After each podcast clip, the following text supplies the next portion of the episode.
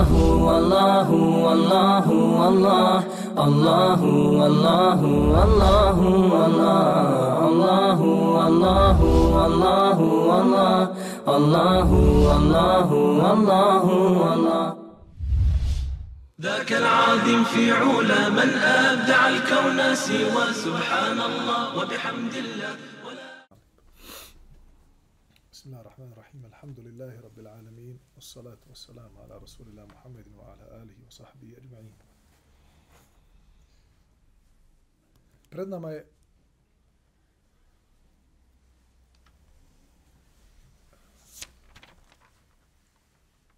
jedan prelijep hadis. Hadis Allahu poslanika, alaihi salatu wassalam, koji je namijenjen, namijenjen svima nama, ali prvenstveno omladine, djeci. E, posmatrajući ovaj hadis, čitajući ovaj hadis i razumijevajući ovaj hadis i način na koji Allah poslanik alaih salatu wasalam ga predočio ovom je mladiću. I zašto upravo mladiću? Dok je bio sa njim e, sam, dok se, da kažem, dok su bili na jahalici, dok se vozili, uči ga stvarima koje će mu usaditi čvrstu vjeru u Allaha, da ima jako povjerenje u gospodara svjetova, ovaj hadis će ga podučiti da načinu kako da zaštiti sebe u životu. Ovaj hadis će tom mladiću pomoći da bez iskustva velikog životnog lahko prebrodi nedaće koje mu dolaze iznenada. Jer pazite, čovjek u poznim godinama života rijetko šta ga može iznenaditi. Znaš, čovjek već u poznim godinama stekao veliko životno iskustvo, prošlo, prošlo svašta u životu. Sjedeš sa njim, dođemo neki haber, polako, nek prenoći. Kako nek prenoći? čovječe, daj da to odmah riješimo. Sve što je čovjek mlađi, sve što manje ima iskustva, sve je brzo pleti. I sve i više se sikira, a više troši se na ono što se desilo. Ovaj hadis daje čovjeku jedno posebno uveđenje, jednu posebnu snagu kako da se nosi s onim što čuje da se desilo ili osjeti ili vidi da se desilo u njegovom životu. Što nas direktno upućuje na to. Ako Allahu poslanik alaih salatu wasalam je rekao podučavajte svoju djecu da obavlji namaz sa sedam godina. Znači, sa sedam godina krenite da ih učite namazu. Šta znači? Da nije obavezan da redovno klanja. A? Sa deset godina im naredite namaz. Jer on već sa deset godina ubrzo će postati šerijatski punoljetan i treba, neće moći preko noći da na klik da se prebaci odmah da postane redovno namaz. On već sa deset godina treba da formiran bude po pitanju namaza, da zna da se abdesti, da zna e, da obavi namaz, da zna da prouči kamet, da prouči ezan, da pristupi namazu, znači onako kako treba, da zna nekoliko sura. Znači, mi sada sve govorimo o jednom dječaku i jednoj djevojčici. Dobro.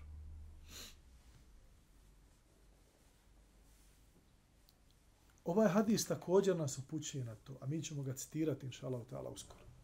Upućuje nas na to da prvo što svoje dijete učimo jeste da izgradimo kod njega vjeru u jednog jedinog Allaha.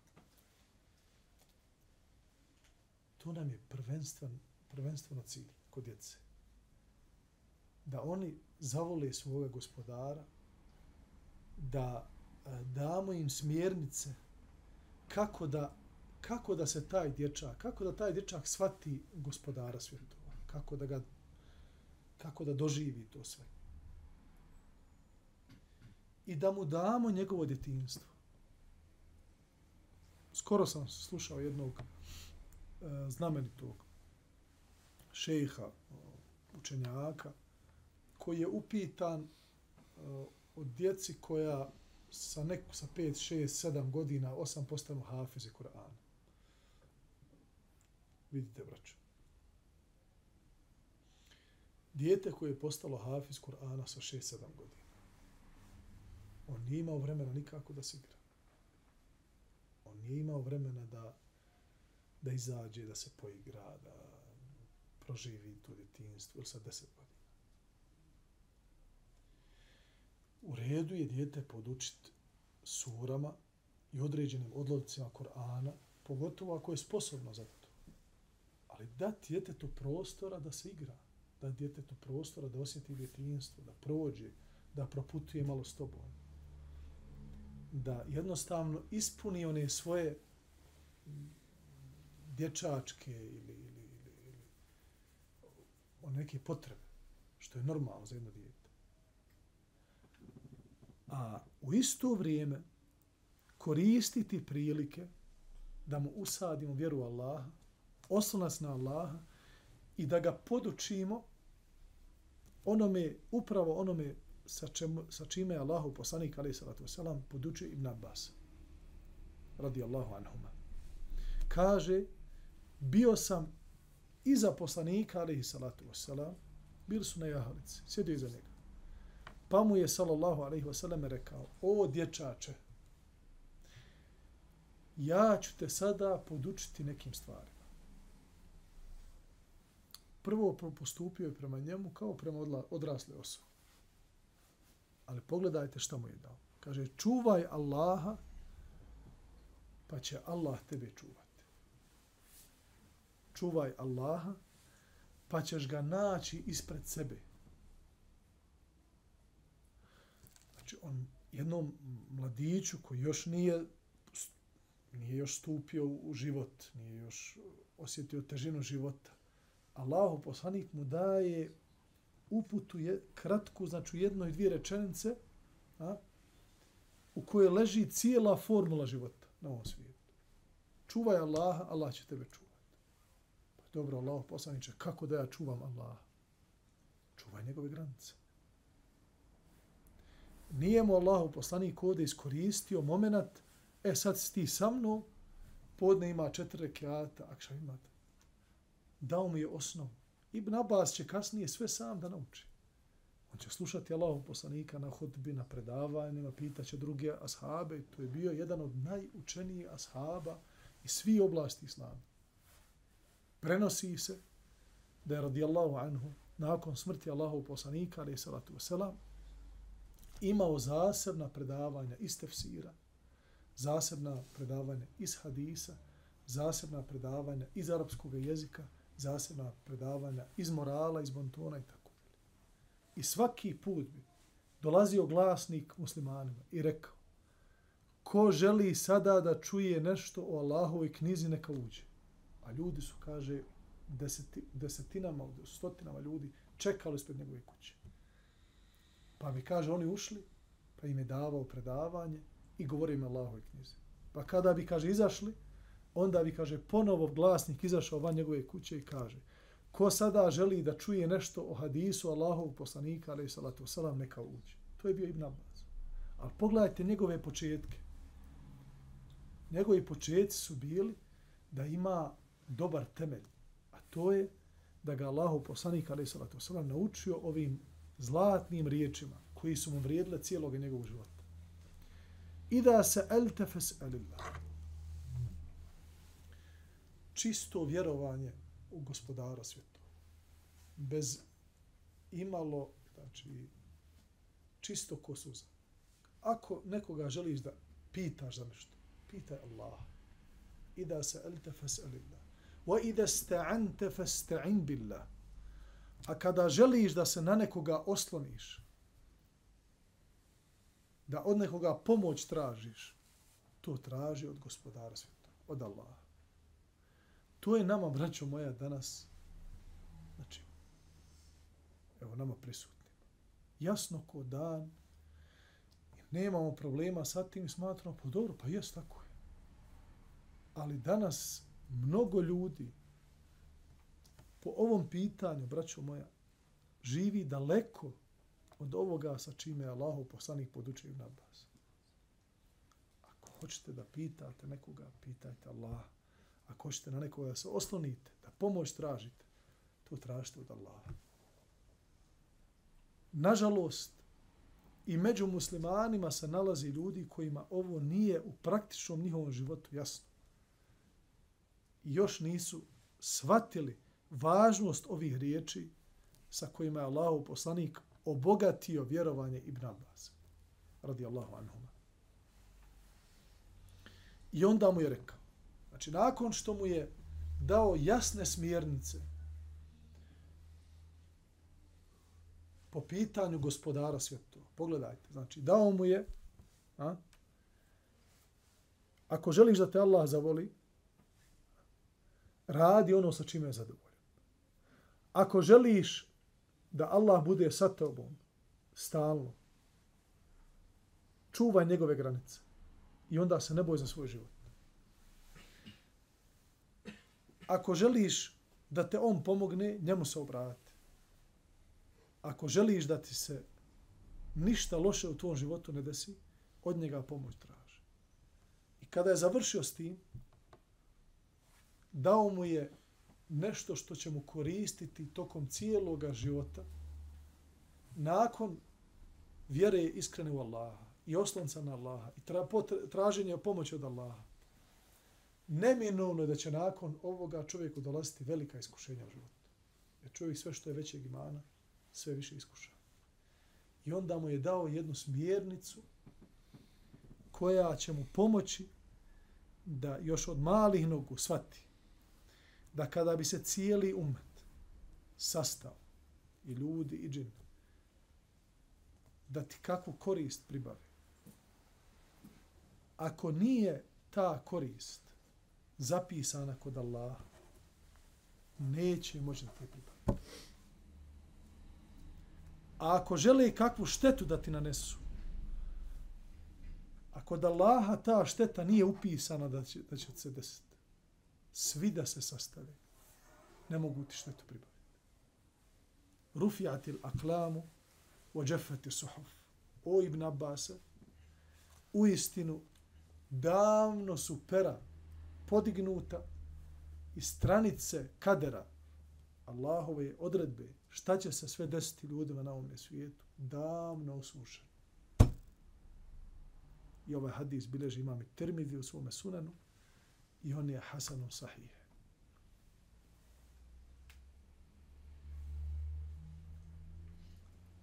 I u drugom, kod Tirmidija, u drugom rivajetu, kaže čuvaj Allaha, naći ćeš ga ispred sebe, znaj za Allaha u lahkoći, a on će za tebe znati u teškoći. I znaj da ono što te promašilo, nije te moglo pogoditi. Šta znači ono što te promašilo, nije te moglo pogoditi? Nešto od nafake, nešto od hajra.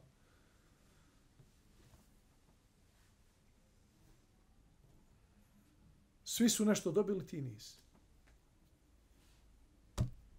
Da je bilo kod Allaha zapisano, da i ti treba to da dobiješ.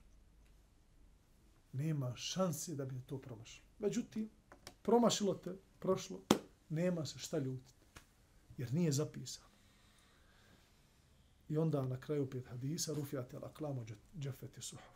Znači, na ovakav način trebamo pristupiti svojoj djeci, naravno i, sa, i samim sebi, da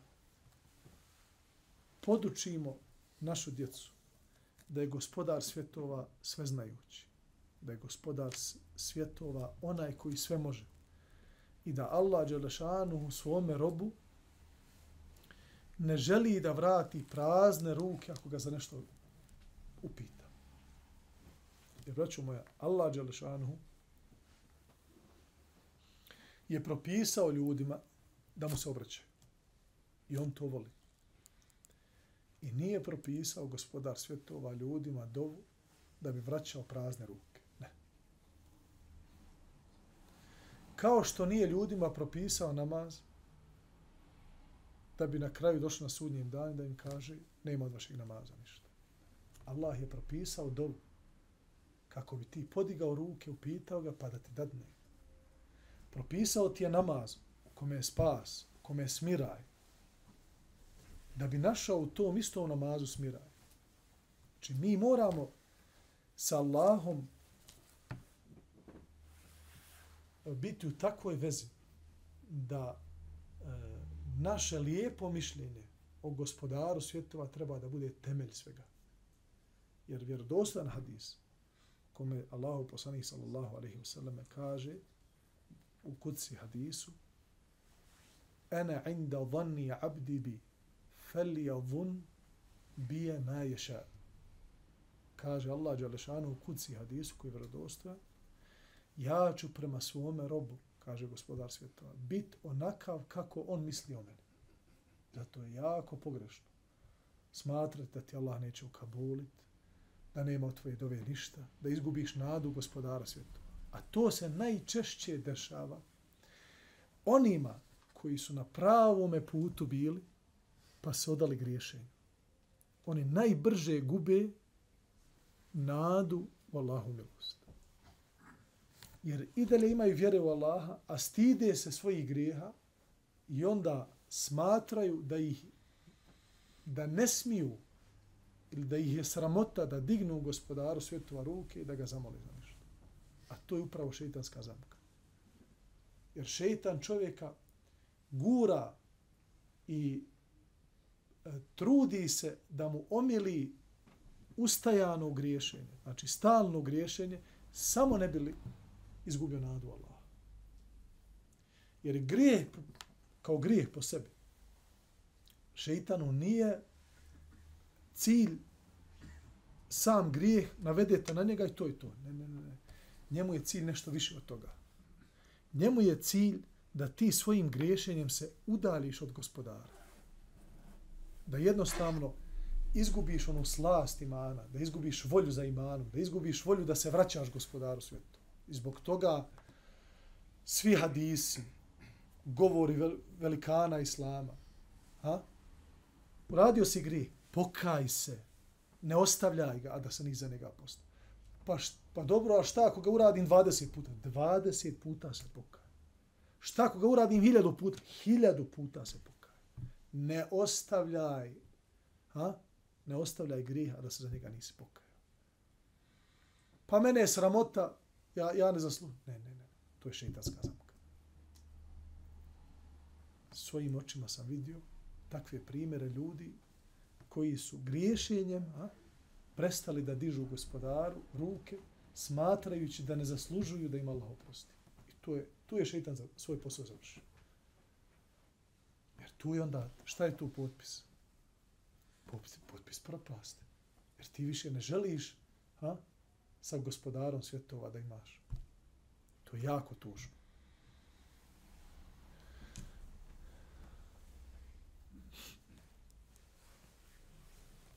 Od Enesa radijallahu anhu se prenosi gdje je rekao. Kaže, vi činite djela koja su u vašim očima tanja od lake. Znači, Enes radijallahu anhu obraća se kome? Tabinima. Drugi generacije muslimana, sinovima ashaba. I kaže, vi danas činite neka djela i smatrate da su ona jako mizerna, da nisu toliko loša. Ajde, mekru. Kaže, mi smo ih u doba Allahov poslanika, sallallahu alaihi ve sallam, smatrali upropaštavajućim grijesima. Ovo predaju, braću moja, od Enesa ibn Malika, radijallahu anhu, prenosi imam Buhari u svome sahihu. Ako želite da znate koja je razlika između ashaba i svi ostali muslimana, pročitajte. Oni su bježali od svega što je bilo pokuđeno, makar ne bio, oh, kažemo, čisti haram. Od svega. Nije preporučeno, pokuđeno, ne treba da radi. Ma ne želi da priđe to. To su bili ashabi. A naticali su se u hajru, kao što prenosi Hasan al-Basri, kaže, kad bi sa strane neko od nas ugledao, mislio bi da su ludi. Toliko bi se naticali u hajru. ne bi želili da ih iko pretekne u hajru koji su radili. Do te mjere, kaže, kad bi on, Hasan Basri prenosi mlađim tabinima, kaže, smatrali bi vi da, da ste ih vidjeli kako se, kaže, natiču, kaže, smatrali da, da su lude, koliko bi se naticalo hajru.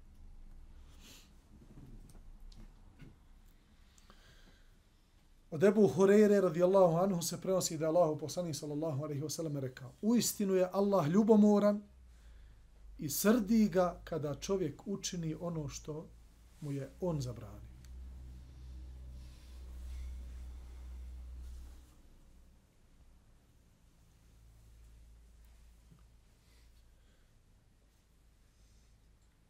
Ovaj hadis, braćo moja, je kod Buhari i kod muslima u sahihima, I on govori o tome da gospodar svjetova gleda svakog pojedinca po nosu. I da smo mi svi kod Allaha bitni i da je svima nama podjednako poslao uputu i gleda i na onoga ko zna više, ko zna manje, ko iz Bosne, ko iz Arab. Kod Allaha to ne znači apsolutno ništa. Kod Allaha, ako je neko spoznao i ako je neko upućen da je nešto haram, a? i nakon toga ga radi, bojat je se da ne rasrdi svoga gospodara, pa da ga zbog toga ne kasni. Zato je naj, najlakša i najbezbolnija i najbolja uputa da čovjek se kloni onoga što mu je gospodar svjetovara zabranio.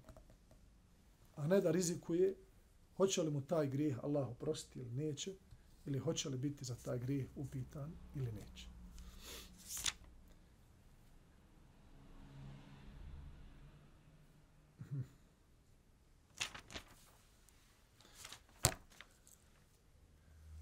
Pred nama je poduži hadis, koji ne znamo ćemo li ga završiti ovaj put. Ali u svakom slučaju, mislim samim čitanjem ovoga hadisa da će biti dovoljna poruka i pouka. Od Ebu Horeire radijallahu anhu se prenosi da Allahu poslanih sallallahu alaihi wasallame rekao Allah je htio iskušati trojicu ljudi iz plemena Benu Israil. Jedan je bio gubavac, drugi je bio čelav, a treći slijep. Pa im je poslao jednog meleka. Melek je došao gubavcu i upitao ga. Šta bi ti najviše želio? Gubavac reče, lijepu boju kože i da mi se, da se otkloni od mene ono što kod ljudi izaziva odvratnost kada me pogledaju. I to je, braćo moja, ona narodna, kaže, zdrav čovjek ima hiljadu želja, a bolestan ima samo jednu. Čovjek vidi svoju slabost onda kada se razboli. Ufatite gripa, temperatura, legneš na postelju, imaš samo jednu želju. Ne naumpada ti ništa na život. Znači, ni, ni kakva hrana, ni izlascina. Daj mi samo gospodaru da, da im bude lakše. Takav je insan ostao.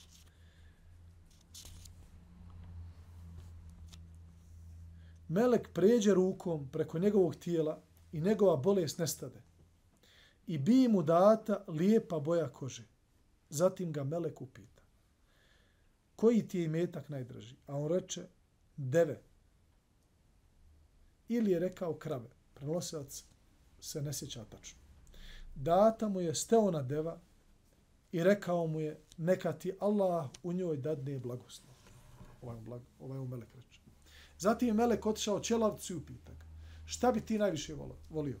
Čelavac mu reče lijepu kosu i da se oslobodim ovoga zbog čega kod ljudi izazivam odbojnost. Melek ga pomilova po glavi, te bolest prođe i dobi lijepu kosu. Zatim ga Melek upita koji ti je metak najdraži? A on reče krave. Data mu je stao na krava, pa mu Melek reče neka ti Allah u njoj dadne blagoslov. Zatim je Melek došao slijepcu i upita ga šta bi ti najviše volio? Slijepac reče, da mi Allah vrati vid kako bi mogao gledati ljude.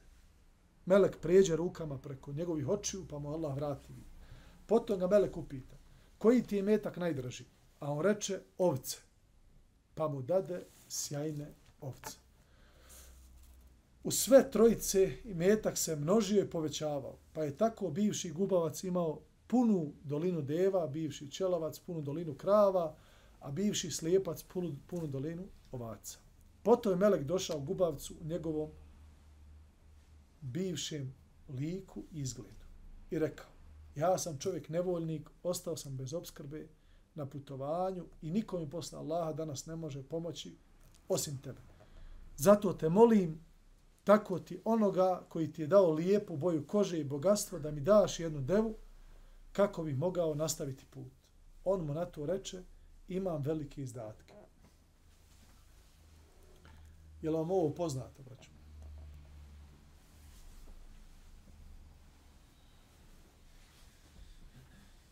Dođe čovjek, nema ništa, prazni džepovi, došao novi u grad, sišao možda sa sela, nije mu lako bilo. Znači, ovi ljudi, ovaj gubavac, lijepac, čelovac, znači, su godinama bili u musibetu. Pa im je Allah promijenio njihovo stanje na bolje. Pa si obogatili. A? I onda ti dođe nakon godina i godina, možda 15-20 godina, dođe ti čovjek identično onome halu kojem si ti nekada davno bio ti sto i zaboravio. Vi mislite, braćo moja, da nama ljudi koji su stvarno je potrebi, ja ne govorim sada ima prosjaka koji prose, koji su namješteni, razvezeni, imaju svoje ceribaše, imaju svoje onaj, nadzorne i sakupljaju ogromne pare i svjedoci su toga i ljudi iz kioska, kaže, po 200 maraka dnevno donese usitno, kaže, hajde mi ovo krupnjači, svaki dan 200 maraka zaradi, dnevnica mu veća nego u Njemačkoj. Ja govorim o stvarnim ljudima koji stvarno imaju potrebu. Dođe ti pokucati na vrata, ti je gledaš, kaj, meni došao. Traži ti čovjek možda za kiriju, možda ti traži pozajmicu, možda. i ti ne želiš da mu daš. A upravo je on, a, možda tvoje ono iskušenje koje ti je Allah dao, a ti zaboravio svoje stanje ti već sad u parama, ti razmišljaš o biznisima, izdaci, zadužio onda, kupio unapred, velike šeme, dolazi momak, kuca, ti ga odbijaš. Ti si zaboravio, ali Allah nije zaboravio. Kao u ovom slučaju. Ovaj zaboravio sad ovaj, finu, zdrav, puna dolina od deva. On zaboravio na ono svoje kada je bio siromašan, kada je imao ništa. Ali Allah nije zaboravio. Šta mislite što, što se je vratio ovaj? Što se vratio ovaj melek? Pa upravo da i njima i svima onima koji će nakon toga Allahu poslanik je ovo prenio kod Buhari i kod muslima hadis. Prenio svima nama muslimanima da se svi zapitamo. Nismo možda bili gubavci. Nismo možda bili čelavi. Nismo možda bili slijepi. Ali nismo možda imali za kirije. Nismo možda imali za, za jakne. Možda naše dijete nije imalo za, za mlijeka. Pa onda sad ti imaš, a neko nema, pa imaš u prilici da pomogneš. Pa kaže dalje. Na tom ovaj reče, imam velike izdatke. Znači, nije samo da danas ljudi su šemama i prije su bili. Melek reče, Melek reče, znači ovaj što se pred, Melek što se pretvorio na gubavca reče, kaže, kao da te ja odnekud znam. Da ti nisi onaj gubavac kojeg su ljudi smatrali odvratnim i siromašnim, pa ti je Allah podario izlečenje i metak. On mu odgovori, ovaj sam metak naslijedio svojih predaka. Jako ćete rijetko naći čovjeka koji želi da prizna svoju slabost u prošlosti. Postane jak, moćan, kad dođe do položaja. Ljudi se inače, onaj, e, mi smo čudna bića. Dobijemo položaj, kad se oparimo. Kad... Jako nam je teško se vratiti na svoju osnovu. Zato su onaj najbolji oni ljudi koji šta? Koji znao odakle je došao. Šta znači? Osto prizemljan.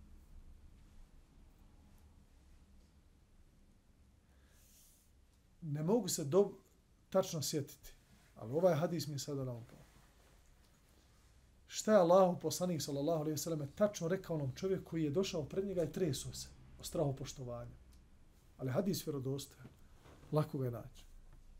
Dugo ga nisam čitao. Znači, došao je čovjek u Medinu pred Allahu poslanika, da ga ugledao, čuo o njemu. Allahu poslanik, Rasulullah, o, posljednji Allahu poslanik, najbolji Allahu biće, spuštamo se Kur'an sa Melekom Džibrilom, došao pred Allahu poslanik, kada ga ugledao, počeo se trest. Pa ga Allahu poslanik mu prišao, nasmio se, ovako ga udario u prsa i kaže, nema potrebe za tim. Kaže, kao da ka, i mene je majka hranila nekako iz, iz, iz dijele s mlijeko, kao da kaže, ja sam od naroda, ja sam od vas, nisam ništa posebno. Kao da, kao da je rekao, ja sam si igrao onaj, mekanskim, mekanskim ulicama ili tako. Nešto je bilo ili valjao se u blatu. Uglavnom, hadis koji govori, još da kažem, poruka hadisa bila da, da Allah poslanik tom čovjeku rekao nema potrebe da, da strahuješ od mene ili da me gledaš da sam ja nešto drugačiji od vas. I ja sam od vas, ja sam prešao i prolazim kroz ono kroz što vi prolazite, znači obični smrtnik. Kaže, ja sam šta? Ovo naslijedio svojih predaka. Melek reče, ako si slagao, neka Allah vrati ono stanje u kojem si bio. Zatim Melek došao Ćelavcu, njegovom prijašnjem liku, i rekao mu ono što je rekao Gubavcu. Pa mu je ovaj odgovorio koji prvi. Pa mu je Melek rekao, ako si slagao, neka Allah vrati onako kako je bilo. Potom je Melek došao slijepcu u njegovom prijašnjem liku, pa je rekao, ja sam siromašni, ja sam siromašni čovjek, putnik na putovanju, ostao sam bez obskrbe i niko mi posle Allaha danas ne može pomoći sem tebe. Zato te molim, tako ti onoga koji ti je povratio vid, da mi daš jednu ovcu kako bih se njome pomogao na put. On mu odgovori, ja sam bio slijep, pa mi je Allah vratio vid. Uzmi koliko hoćeš, a ostavi koliko hoćeš tako mi Allaha, što god danas uzmeš, neću te opterećivati da mi to vratiš radi uzvišenog Allaha. Melek mu tada reče, reče zadrži svoj metak, vi ste samo iskušavani. Allah je zadovoljan tobom, a rasrdio se na tvoja dva prijatelja. Hadis je mu tefekun ali. Hadis koji, braćo moja, rezimira stanje ljudi i njihovih života, jer može se i nama slično nešto desiti, da jednoga dana neko nama pokuca na vrata, neko nas nazove na telefon, neko nam pošalje poruku i bude u stvarnoj potrebi, bude naša prošlost koju smo mi bili, a mi se ne odazovemo i pogledajte, znači, nakon iskušenja, kako su prošla ova prva dvojica, a kako je prošao ovaj treći. Ovaj treći, braćo moja, ništa mu nije umanjeno, naprotiv, Allah mu još povećao bereket i tako je sadavanje na Allahom putu. Ja još nisam čuo za čovjeka koji je ljude pomagao na Allahom putu i da osiromaši. Ja još za to nisam čuo. A ne vjerujem da stigu čuo. Znači da, onaj, da je neko pomogao čovjeka nevoljnika u potrebi i da je nakon toga mu Allah oduzuje metak da ga osiromaši. Ne, naprotiv. Na Allahom putu sve što se da, Allah mnogostruko vraća od deset puta pa na više. Allah vam dao svako dobro. Wa sallallahu ala nabina Muhammedin wa ala alihi wa sahbihi ajma'in wa akhiru da'wana anil hamdulillahi rabbil alamin.